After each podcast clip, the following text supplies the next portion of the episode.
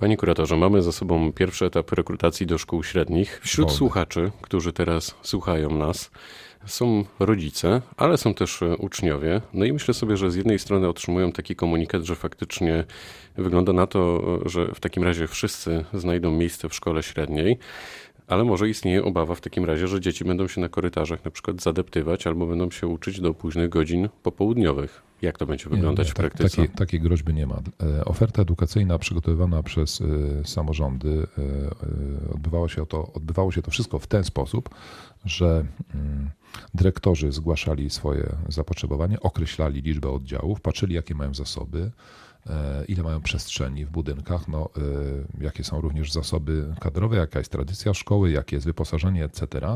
I organ prowadzący mm, jeszcze dokonywał pewnej weryfikacji, a jeżeli uczniowie, tak jak w przypadku Wrocławia, napłynęli z zewnątrz, a no to też się zastanawiano, w której szkole bez szwanku, bez drugiej zmiany albo z niewielką drugą zmianą tych uczniów, dobrych uczniów, e, udałoby się zmieścić. Niewielką to znaczy? W tym względzie, wie pan, to jeżeli chodzimy na pierwszą zmianę, to znaczy, że Wszyscy przychodzą na ósmą, odbywają swoje zajęcia i kończą. I to jest do godziny 14, najpóźniej do 15.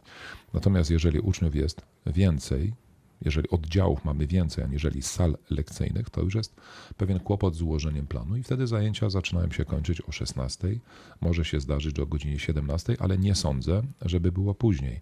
No, limituje nas y, tutaj baza, baza sportowa, y, pracownie komputerowe, w przypadku techników pracownie y, specjalistyczne, więc będziemy spoglądać na to indywidualnie, ale nie sądzę, żeby mm, zajęcia odbywały się później, aniżeli do godziny 17 i to w niektórych szkołach, bo proszę zwrócić uwagę, że we Wrocławiu uczniów przybyło, ale to oznacza, że w szkołach lokalnych tym samym tych uczniów nie będzie.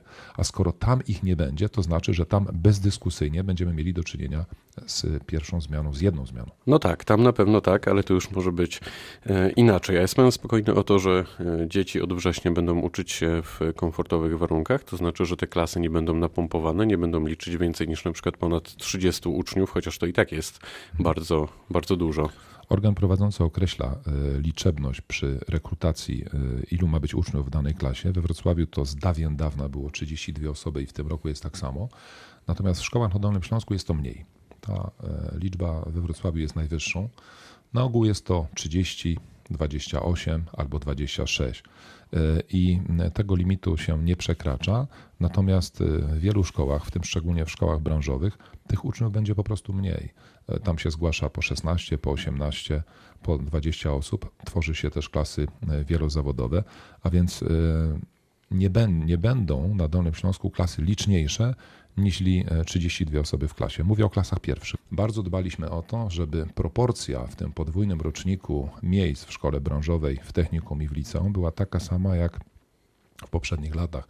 Weźmy Wrocław, gdzie liczba uczniów trafiających do liceów jest najwyższa. To zrozumiałe, to jest stolica Dolnego Śląska, miasto akademickie, rodzice z aspiracjami chcą, żeby młodzież chodziła do liceów, zwłaszcza do topowych liceów i poziom rzeczywiście jest wysoki. I to jest każdego roku 50 kilka procent. W tym roku to jest 55%, czyli w każdym roczniku to było około 50 paru procent i w podwójnym roczniku też jest 50 parę procent. To jest bardzo ważne, bo często pojawiał się taki zarzut, że owszem, może w, ogólnie w liczbach to Wam się zgadza, liczba miejsc jest większa niż liczba uczniów, ale będziecie upychać w szkołach branżowych. Nic z tych rzeczy. Powtórzę raz jeszcze. Na Dolnym Śląsku w tym we Wrocławiu proporcja liczby miejsc między szkołami branżowymi, technikami oraz e, licami jest taka sama jak w poprzednich latach. Mówiąc krótko, jest tak jak w poprzednich latach, jeżeli chodzi o rekrutację, tylko uczniów jest więcej. To, ale to jest kolejny rok, e, w którym mówi się o liceach ogólnokształcących. Trochę pan już e, o tym powiedział, o tym, że to właśnie ogólniaki pękają w szwach, ale inaczej jest jednak ze szkołami branżowymi, zawodówkami, technikami. Te ostatnie nie cieszą się zainteresowaniem. Dlaczego pana zdaniem? No, to jest sprawa nastawienia społecznego, e, a zmienić je nie jest tak znowu prosto, aczkolwiek e, i szkoły, i my, i wszystkie osoby zainteresowane, zajmujące się oświatą, traktują szkoły branżowe jako oczko w głowie. Wszak wszyscy chcemy, e, aby one kształciły fachowców. Tych fachowców jest ciągle mało. Żyjemy w wolnym kraju i to jest wolny wybór ucznia, wolny wybór rodzica. Można poprosić, można zachęcić, można pokazać, że warto.